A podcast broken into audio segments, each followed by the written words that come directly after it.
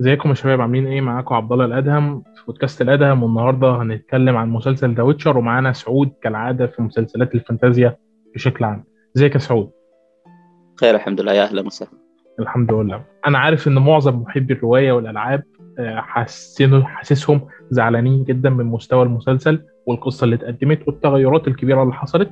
فإحنا حابين نشوف وجهة نظرك كمحب للمسلسل كمحب للعالم كمحب للعبة كقارئ أو مطلع على الرواية مش عارف أنت ممكن تجاوب فا رأيك؟ والله رأيي في المسلسل الأمانة هو ناخذها على جزئين الموسم الأول كان فعلا فيه تخبطات كثيرة وفي وجابوا العيد نوعا ما فيه سواء في طريقة عرض القصة أو أسلوب السرد في أشياء كثيرة غلطوا فيها وهو الأمانة ما تلومهم بشكل عام لأن هذه تصير أحداث القصة يعني ما تقدر تجيبها غير بهذه الطريقة. في الموسم الأول كانت فيه بعض الأخطاء سواء عرض قصة أو اختيار بعض الممثلين أو حتى كديكور ومونتاج وأشياء كثيرة. لكن الموسم الثاني الأمانة لا والله صدمني المسلسل. الموسم الثاني جدا ممتاز صراحة. وتحسن عن الموسم الأول وأشوفه يعني واحد من أفضل أعمال الفانتازيا صراحة في الموسم الثاني. في بعض العيوب، بعض الأخطاء، تحريف أشياء كثيرة من الرواية. لكن لاحظت أن أغلب الأشياء اللي تحرفت عن الرواية إما أنها كانت لمصلحة المسلسل أو أنها أشياء ما لها داعي ما لها داعي صراحة. الأشياء اللي غيروها وكانت فعلا شيء سلبي أشياء تكاد لا تذكر الأمانة يعني وما أشوفها بتغير كثير في عالم السلسلة في عالم المسلسل. ما أدري يعني أحس الأشياء اللي غيروها فعلا نجحوا فيها وتفوقوا فيها على الرواية حتى في بعض الأشياء. تمام. آه، اللي أنا فهمته منك إن التغيرات مش مؤثرة تماما على مسار الرواية أو المسلسل بشكل عام. أنا بس أنا عايز أفهم عن النقطة ديت أكتر لسبب بسيط. الجزء الأول كان فيه تداخل وقت.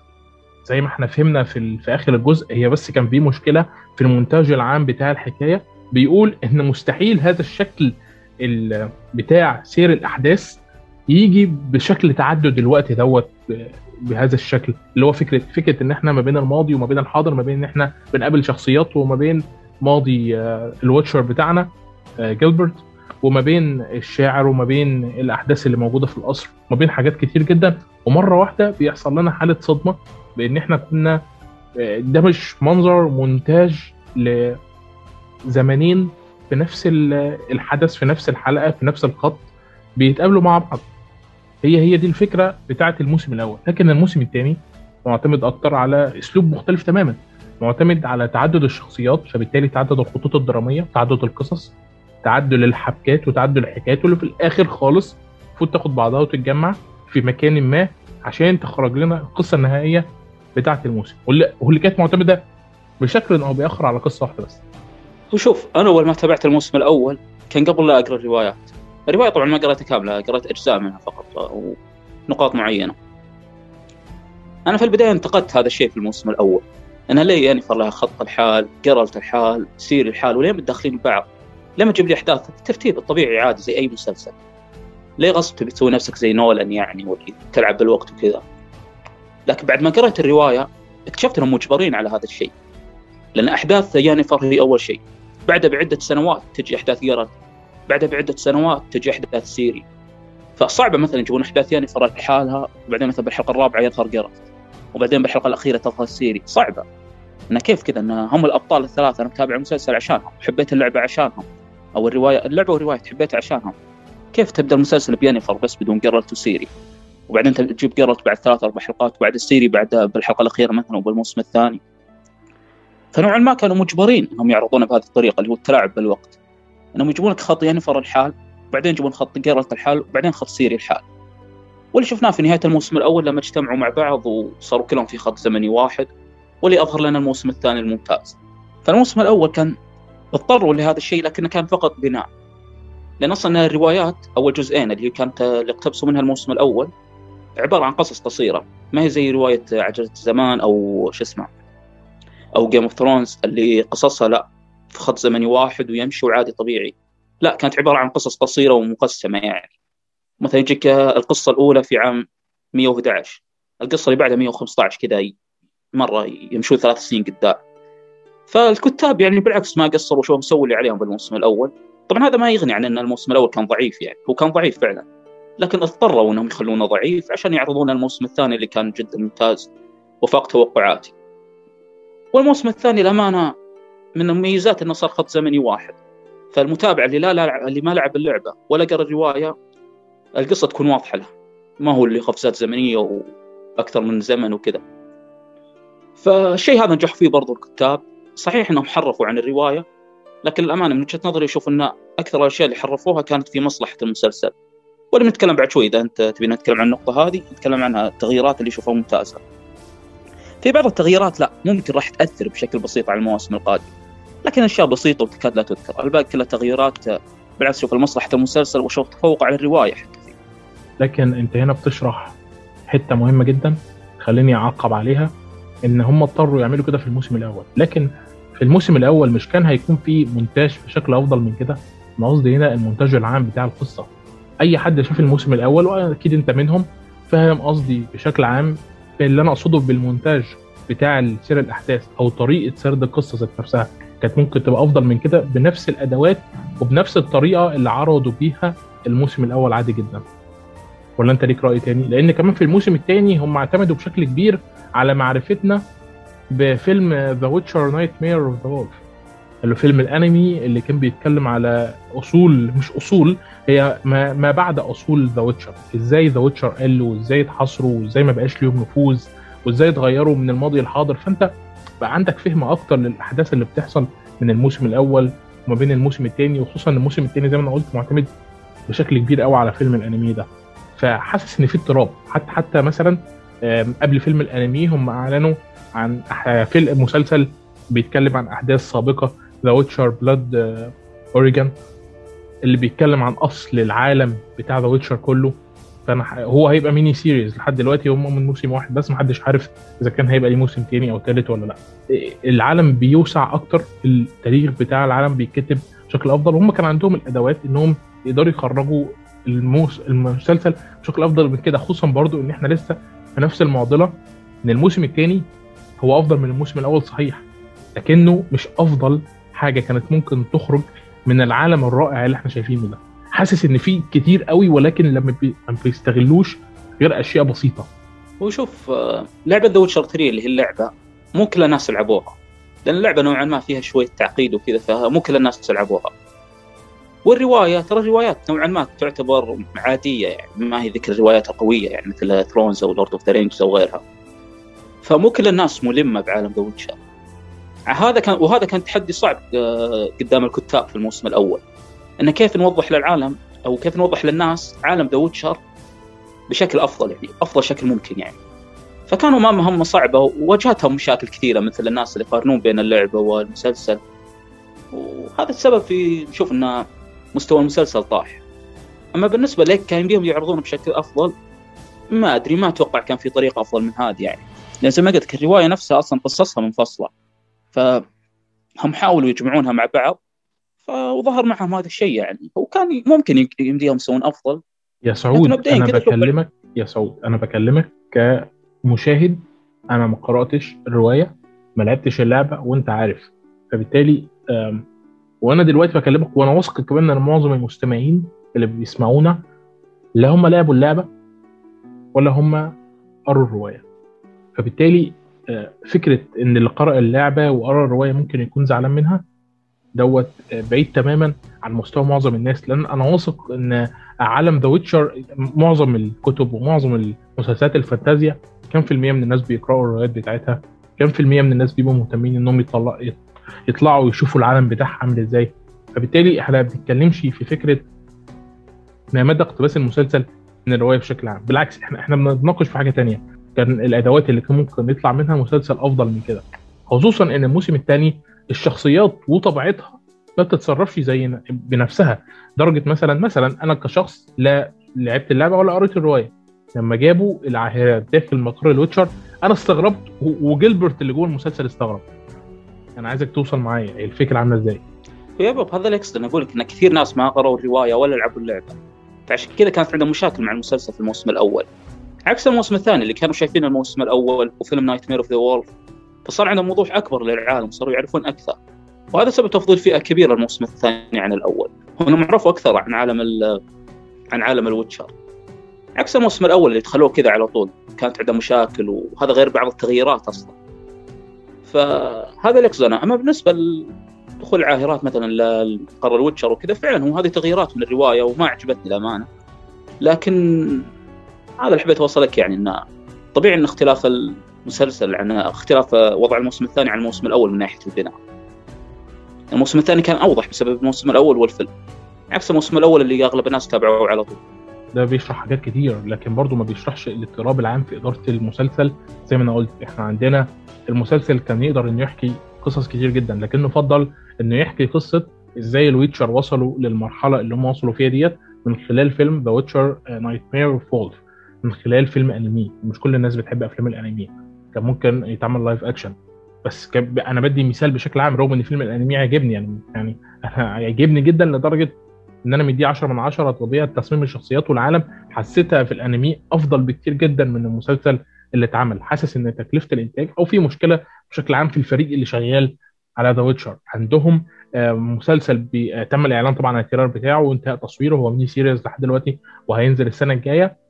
بيتكلم عن ما قبل The Witcher Nightmare ذات نفسه عن أصول عالم The Witcher كلها اسمه The Witcher Blood Origin عندنا كمان الجزء الثالث اللي تم الإعلان عنه من The Witcher ففي في حالة كده اللي هو هم متسرعين جدا جوه العالم دوت شايفينه عالم كبير ويستحق لكن ما بيتمش استغلال الحدث اللي قدامنا في الوقت الحالي على أقصى تقدير.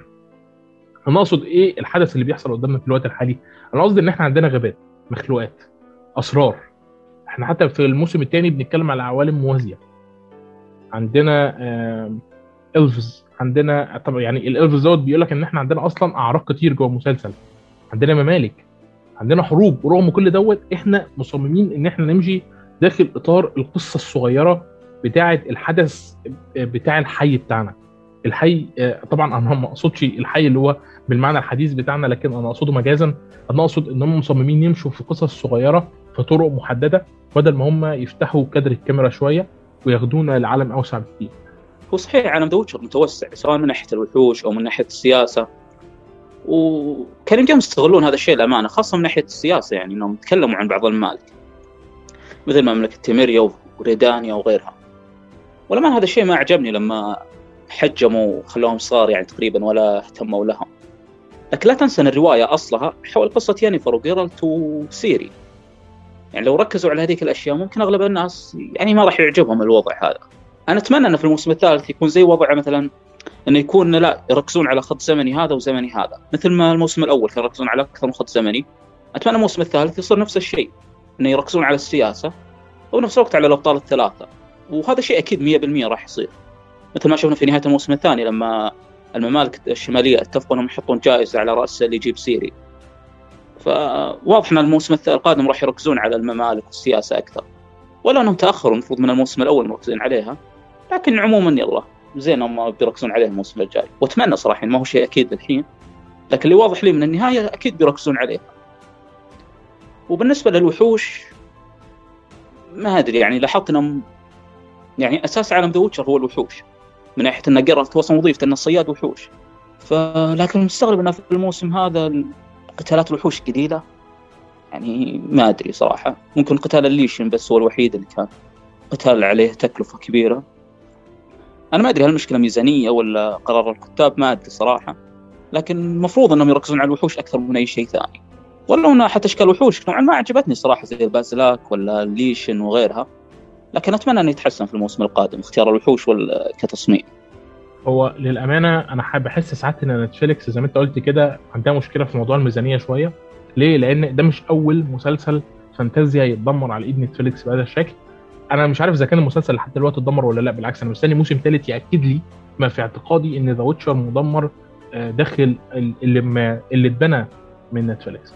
لكن أنا بدي كمثال طبعا. Shadow and Bone اللي هو ظل وعظم متاخد من رواية فانتازيا مع مسلسل عن نتفليكس متهاجم من كل الأصعدة فشل فشل ذريع آخد أقل من 8 على IMDb الناس كرهته وما حبتوش وطبعا عمل إلغاء المسلسل بعد موسم أول. هو ومسلسل تاني اسمه سيدة البحيرة.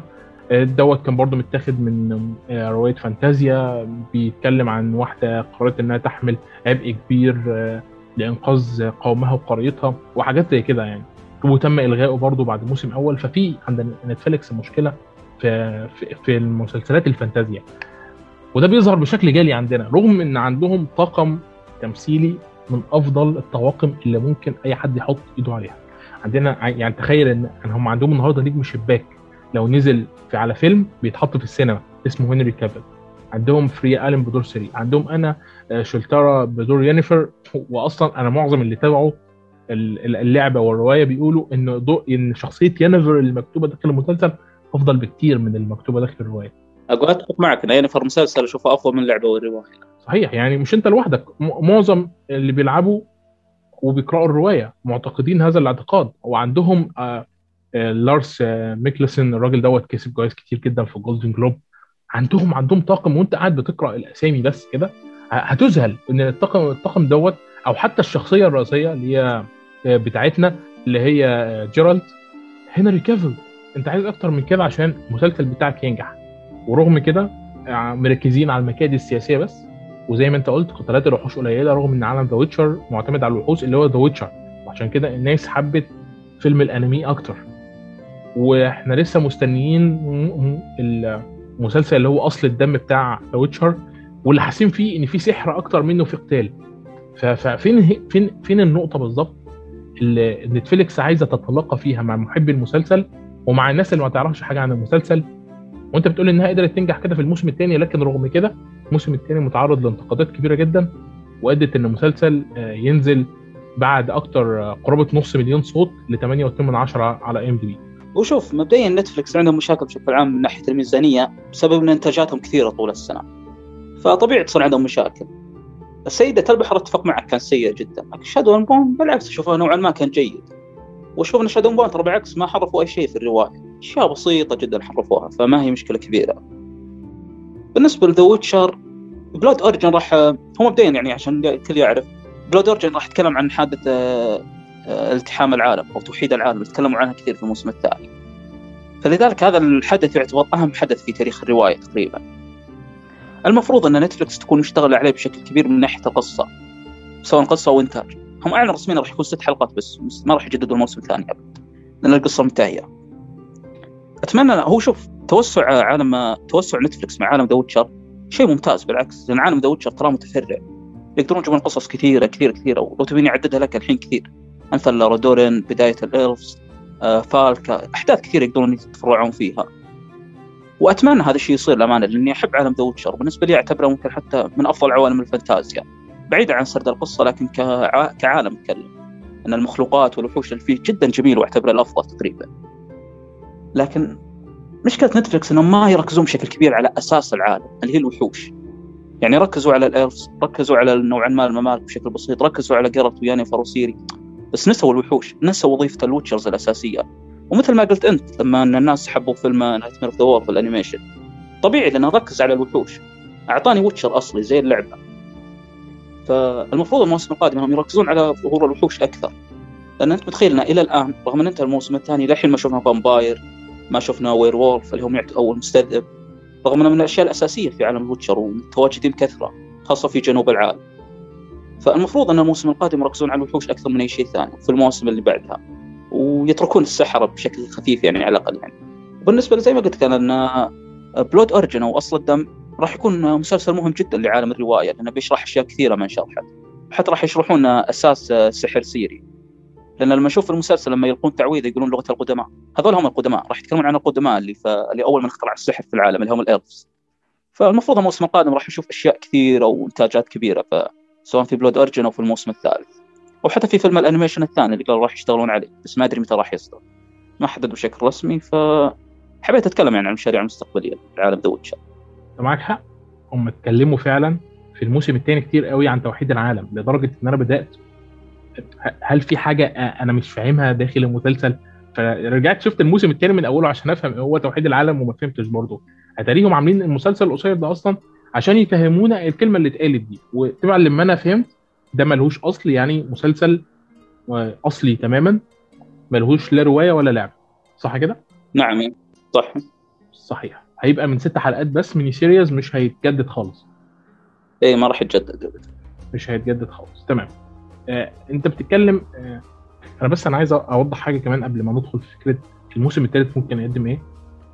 في أول حلقة من الموسم الثاني ظهرت صراع انساني عند عند هنري كافيل أو جيرالت.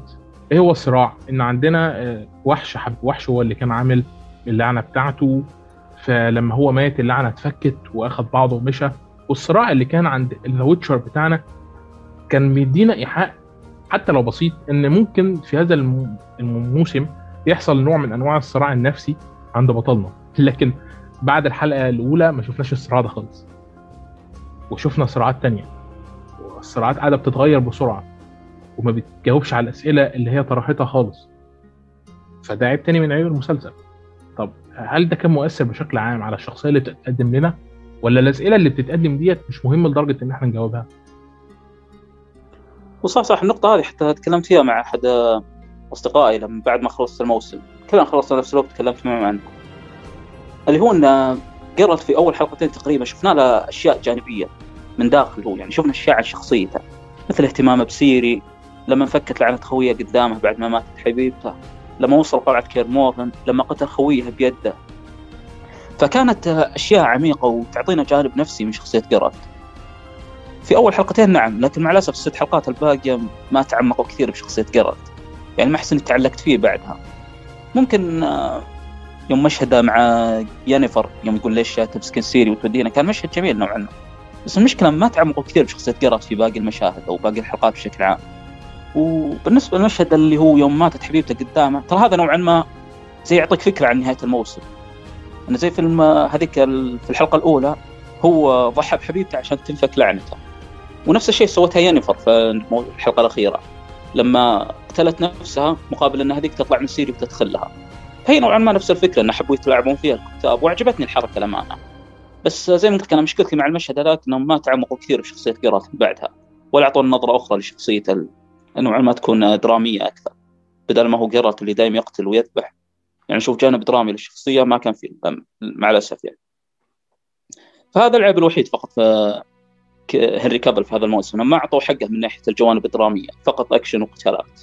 لكنهم وللأمانة قرروا إنهم يخرجوا هنري كافيل بره المعادلة في آخر ثلاث حلقات ويضيفوا البعد الإنساني The Witcher بشكل عام في الثلاث حلقات الأخر لأن معظم الناس بتتهم The Witcher إن هم ما عندهمش مشاعر وإن هم انفصلوا عن مشاعرهم الشخصية وده باين قوي إنهم بيلجأوا للحيلة ديت دي كحيلة دفاعية ضد بقية الناس من خلال إنهم بينغمسوا في الخمور والجنس وحفلات اللي بتبقى طبعا خارج القلعة مش بتبقى جوه القلعة بشكل عام وإلى هذا الأساس. فبالتالي ركزوا فكرة إن هم تستغل يأسهم وانهم ناس وحيدة مش قادرين إنهم يجددوا نفسهم عشان في الحلقة الأخيرة إنها تقدر تفتح الفرع الزمني اللي هي عايزة تفتحه عشان تروح الناحية الثانية فهم ركزوا على ذا ويتشر وعلى الجانب الإنساني عندهم بس هم بدأوا من هنري كافل لكن الفكرة إنها ما اتقدمتش بشكل كويس. مشكلة مونتاج برضه بشكل عام أكتر منها مشكلة إنتاج للأمانة. هو صح صح كلامك بس جودة الكتابه ما تدري متناقض أحيانا في الموسم. يعني في مشاهد تقول جدا رائعه وممتازه وحوار جدا حلو وممتاز ورهيب لكن مع الاسف كتابة الشخصيات ما تعمقوا فيها. ما شفنا حوارات يعني زي لما قرأت قابل يانيفر في الحلقة الخامسة أعتقد أو السادسة. يعني ليه اللقاء كان بارد؟ يعني هو قرأت كان يحسب يانيفر ميتة.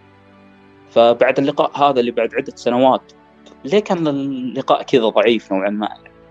ليه ما أعطتني مشهد درامي حلو؟ ليه ما ليه ما حسسنا فعلا أنهم مشتاقين البعض فهذا برضو أحد العيوب يعني مع الأسف في الموسم يعني. وهذا الشيء جرى بسبب التغيير عن الرواية. في الرواية كانت في أحداث جدا حلوة بين يانيفر وسيري وكانت جدا رائعة المشاهد مع بعض. وفعلا كانوا كأنهم أم وبنتها. عكس في الموسم لما طلعوا ينيفر على أنها كانت رايحة تشتغل سيري وماني عارف إيش. هذا التغيير كان جدا غبي وما له أي داعي صراحة وكره الناس في الموسم. وللامانه أنا يعني ما فرقت معي كثير بس انه برضو المفروض يحترمون رغبات الجماهير الجماهير بهذا الشيء. وشخصية ينيفر يعني شخصية جميلة يعني ما أدري طلعوا على إنها كانت تشتغل سيري. فهذا الشيء زعلني شوي للأمانة وتمنيت لو إنهم جابوا نفس الرواية. إنها تكون فعلا تهتم فيها وتعلمها استخدام السحر وتساعدها بأشياء كثيرة يعني بدل ما هم يجيبون على إنها كانت تستغلها. لكن أعتقد إنهم بيخلون هذا الشيء في الموسم القادم. لأن في نهاية الموسم الثاني شفنا لما قررت وياني فرحوا مع سيري عشان يدربونها ويحمونها من الناس من الناس. فأعتقد إنهم المشاهد هذه موفرينها الموسم الجاي ما أدري ممكن. لكن تمنيت لو خلوها في الموسم الثاني زي ما هي نفس الرواية. هو للأمانة مع شرحك في حاجات كتير بتتوضح دلوقتي إحنا فهمنا. يعني مثلا ان هم أجلوا تع... تعلم سيري للسحر للجزء الثالث عشان هم خلوا ينيفر تفقد سحرها في أول الجزء الثاني بخلاف الصراعات النفسية اللي كانت جواها. عشان كده الناس حابة ينيفر أكتر yep لأن هذا نفس الشيء ترى صار في الموسم الأول. قصة النيفيلين اللي كانت في الحلقة الأولى ترى المفروض تكون بالموسم الأول لكن ما أدري إيش السبب خلوه الموسم الثاني. فعشان كذا أتوقع نفس الشيء هذا اللي تعليم ينيفر لسيري للسحر ممكن يخلونه بالموسم الثالث. فهذا توقع الشخص الأمان يعني مستحيل يحذفونها من المسلسل. فقط أجلوها يعني وأتوقع هذا اللي بيصير يعني. هو المفروض هذا اللي يصير. طب إحنا منتظرين إيه كجمهور من الموسم الثالث؟ والله منتظرين أشياء كثيرة للأمانة. يعني تتكلم عن الصراعات السياسية بين الممالك الشمالية ونيلفغارد آه، ثورة الالفس ضد ريدانيا ملاحقة سيري مع جارث يانيفر هجوم السحره عليهم أيضا. بتصير أشياء كثيرة وصراعات كبيرة ووحوش كثيرة راح تظهر أيضا. ومع مسألة الأكوان الموازية وأيضا ظهور الوايلد هانت في نهاية الموسم اشياء كثيرة راح تصير يعني في الموسم الثالث. والكتاب برضو عليهم حمل ثقيل الحين زيادة. أنا كيف بتجيب كل هذه الأحداث في ثمان حلقات يعني؟ أنا لما أتمنى يكون عشر حلقات على الأقل يعني عشان يكفي توسع العالم. لكن ما أتوقع يصير هذا الشيء غالبا بيكون ثمان حلقات. فطالما إنه بيكون ثمان حلقات أتمنى إنهم يشتغلون بقوه عليه يعني. الأمانة قدامهم شغل كبير في الموسم الثالث هو طبعا كلنا بنتفق معاك هم قدامهم شغل كتير جدا للموسم الثالث. طبعا القصة اللي عايزة تتحكى والبعض الأخطاء اللي محتاجة تتعالج. هل انت أنت رأيك إن ال CGI محتاج أي نوع من أنواع التحسن؟ هو أكيد بالطبع يحتاج تحسن كبير بعد لأن ال CGI هو شوف تصميم الوحوش بعض الوحوش زي الليشن مثلا بالعكس أنا أبهرني جدا وكان ممتاز بشكل غير طبيعي لكن القتال نفسه كان ضعيف. فمع الأسف لا يعني ال CGI ما كان مرضي ابدا. لو تقارنه مسلسلات أخرى مثلا زي Game of Thrones ما في أي مقارنة ابدا يعني. Game of Thrones أفضل مراحل. فالمفروض إنه مع الموسم الثالث ميزانية تكون أعلى يعني خاصة بعد نجاح الأول والثاني والفيلم. فالمفروض ميزانية الثالث تكون أضخم وأكبر يعني. وأتمنى فعلا إنهم يطورون ال CGI يشتغلون مع شركات كبيرة مثل سواء شركة آه، مسلسل Star Wars Mandalorian أو حتى Game Thrones أو أي مسلسل كان أو أفلام مارفل فالمفروض يشتغلون بقوة عليها من ناحية المؤثرات البصرية وال CGI قتالات الوحوش أو حتى قتالات المعارك. على الأسف يعني بعض المعارك اللي هو تكون بين بشر وبشر تكون ضعيفة نوعا ما زي الموسم الأول. فالمفروض يشتغلون عليها بشكل كبير في الموسم الثالث لأن هذه كانت من أكبر عيوب المسلسل واللي هي المؤثرات البصرية. بس حتى The Mandalorian يعني كان ليه لحظاته اللي كانت كان مثلا أنا مرة كنت بتفرج آه يعني أنا كنت بتفرج أنا فاكر كويس فكانوا بيحاولوا إنهم يفتحوا الباب بمسدس الليزر. فقعدت أضحك قوي من منظر ال CGI اللي طالع بس يعني كأنه مثلا عيل في قاعد في كرسي وحاطط مشهد ال CGI ف ف كان مستغرب لكن بشكل عام طبعا المسلسل عادي حد بيتكلم عليه. آه نرجع تاني Witcher ترى نفسه تقريبا نوعا ما على الاسف القتالات آه كانت فعلا يعني تضحك نوعا ما وتحس كانها شغل هواة يعني. ما تحس شغل شركات كبيرة يعني. تتكلم شركة كبيرة بحجم نتفلكس يعني. أكيد عندها آه، متفقة مع شركات مؤثرات بصرية كبيرة. لكن مع الاسف اللي شفناه كان شيء ضعيف جدا نوعا ما. صحيح أنت معك حق. يعني إذا كانت ديزني بتصرف على مسلسلات زي The Mandalorian فليه نتفليكس اللي بتحاول تصنع ملحمتها الخاصة بقالها سنين عشان تقدر انها تنافس HBO Max. وديزني. ومش عارفة تصنع لحد النهارده ملحمتها لدرجة إن أنا كنت مرة وصفت مسلسل animation موجود عندها اسمه The Dragon Prince بإنه ملحمة نتفليكس هو هو ده ملحمة نتفليكس المسلسل رغم إنه animation معمول كويس جدا بترتب كويس جدا وداخل في الموسم الرابع. بينما للأسف الشديد هي مش قادرة إنها تاخد كل مسلسلات ال animation كل ال comic book المستقلة. ومش قادره تحولها للملحمة اللي هي نفسها تحولها. نفسها يبقى عندها Star Wars ومش عارفة. نفسها يبقى عندها عالم مارفل ومش عارفة. نفسها يبقى عندها Game of Thrones و... وآلة تنين ومش عارفة. نفسها يبقى عندها عالم دي سي سينمائي ومش عارفة. ورغم كده هي مش عايزة تتعب ولا تركز على ح... تفاصيل بسيطة ممكن تنجح المسلسلات بتاعتها بهذا الشكل. ورغم كده الأعمال بقى اللي هي ما بتصرفش عليها بشكل جيد هي في الأول وفي الآخر بتجيب لها النجاح لأن يبدو كده إنها ما بتكونش مركزة عليها آه، بشكل قوي. فهم ك كمجموعة صناع بيبذلوا أقصى ما جهدهم عشان يخرجوا المسلسل بشكل حلو. ودي مشكلة إدارة بشكل أو بآخر. أكبر مشاكل نتفلكس إنهم يركزون دائما على الأفلام أكثر من المسلسلات. فتلاقي الأفلام دائما ميزانيتها عالية وضخمة وكبيرة بشكل غير طبيعي. مثل The Power of the Dog tick, tick... BOOM وغيرها عاد السنة هذه. هذه اكبر مشاكل يعني إن المسلسلات ما يركزون عليها كثير حتى رغم انها مسلسلات وزي ما قلت أنت فعلا المسلسلات هي اللي تجيب لها النجاحات أكثر شيء وكذا. مع هذا يركزون على الأفلام لأنها هي أكثر انتشارا وأكثر تسويق وتشارك بالأوسكار وكذا. عكس المسلسلات نوعا ما يكون مسحوب عليها رغم ان مشاهداتها عالية لكن تسويقيا ما تكون ناجحة. هذه وجهة نظرهم الأمر. فهذه أكبر مشاكل نتفلكس إنها لا هي فالحة بالأفلام ولا بالمسلسلات. فلو يركزون على المسلسلات أكثر صدقني راح ينجحون ويرجعون نجاحاتهم أيام أول مع House of Cards وشيرلوك وغيرها من أعمال. فهذه مشاكل مشكلة نتفلكس الكبيرة. عدم التركيز على المسلسلات وما يعطونها ميزانية ضخمة وكبيرة عكس الأفلام. ده بالرغم من إن أنا عدد المسجلين بس ل The Witcher على IMDb 412000 إيه عدد ضخم كبير يعني. هذا غير اللي ما سجل يعني. مثلا أنا ما سجلت صراحة. فأكيد بتعدون مليون بالراحة. فمع هذا مستغرب يعني من ضعف الإنتاج وضعف الميزانية اللي يعطونها لصناع المسلسل. وهذا الشيء لما زعلني يعني في المسلسل لكن شو أسوي عاد بعد؟ هذا قرار الشركة. لكن أتمنى في الموسم القادم إنه بعد نجاح الموسم الأول والموسم الثاني وأيضا الفيلم المفروض الميزانية تكون أضخم بكثير يعني. ده المفروض أو حتى تحاول إنها تتعاون مع استوديو تاني يحاول إنه يصنع بقاله فترة وعامل معاه تعاونيات يعني زي سوني كمثال مثلا. هو صح هذا المفروض أيضا بس إنه عاد شو نسوي؟ نتفلكس في أي حاجة تانية عايز تضيفها؟ قبل ما نروح للنهاية؟ نوعا ما لا. أنا بس حبيت أتكلم عن لا بعض الناس اللي يعتبرون تغيير الأحداث عن الرواية كانت تحريف أو شيء سيء. هو وجهة نظرهم وتحترم لكن وجهة نظر الشخصية لا والله صراحة. شوف كل التغييرات اللي صارت كانت في مصلحة المسلسل يعني. يعني زي مثلا شخصية فوليث مير اللي ما هي موجودة في الرواية لكن موجودة في المسلسل. امانه أعطى جو آخر.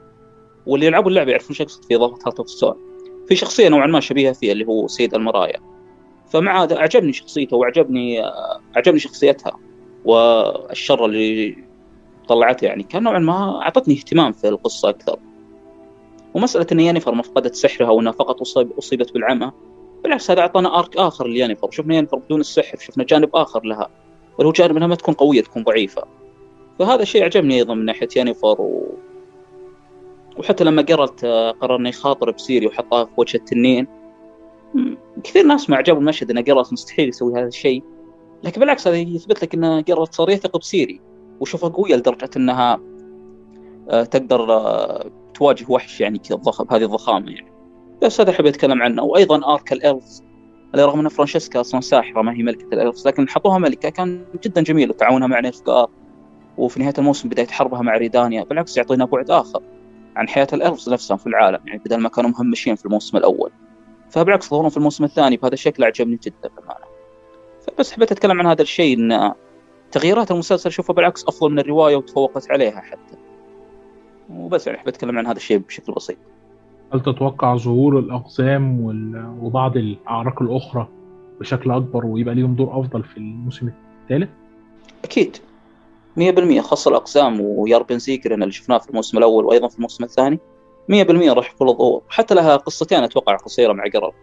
وجدا جميلة ورهيبة الأمانة. وأتمنى أنهم ما يحذفونها لكن إن شاء الله أنهم يحطونها يعني ولا الأقزام بيكون موجود. والإلفس بعد كثير كثير وحوش ومخلوقات راح يكونوا متواجدين بهذا وصلنا للنهاية. شاكرين لكل واحد وصل معانا للمرحلة ديت من الاستماع داخل البودكاست. حابب أشكر سعود على حضوره واستجابته المتكررة لطلبنا. شكرا ليك جدا. صدقني يعني حاضرين حاضرين دائما وابدا. كان معكم عبد الله الأدهم وسعود. ونقابلكم بودكاست جديد.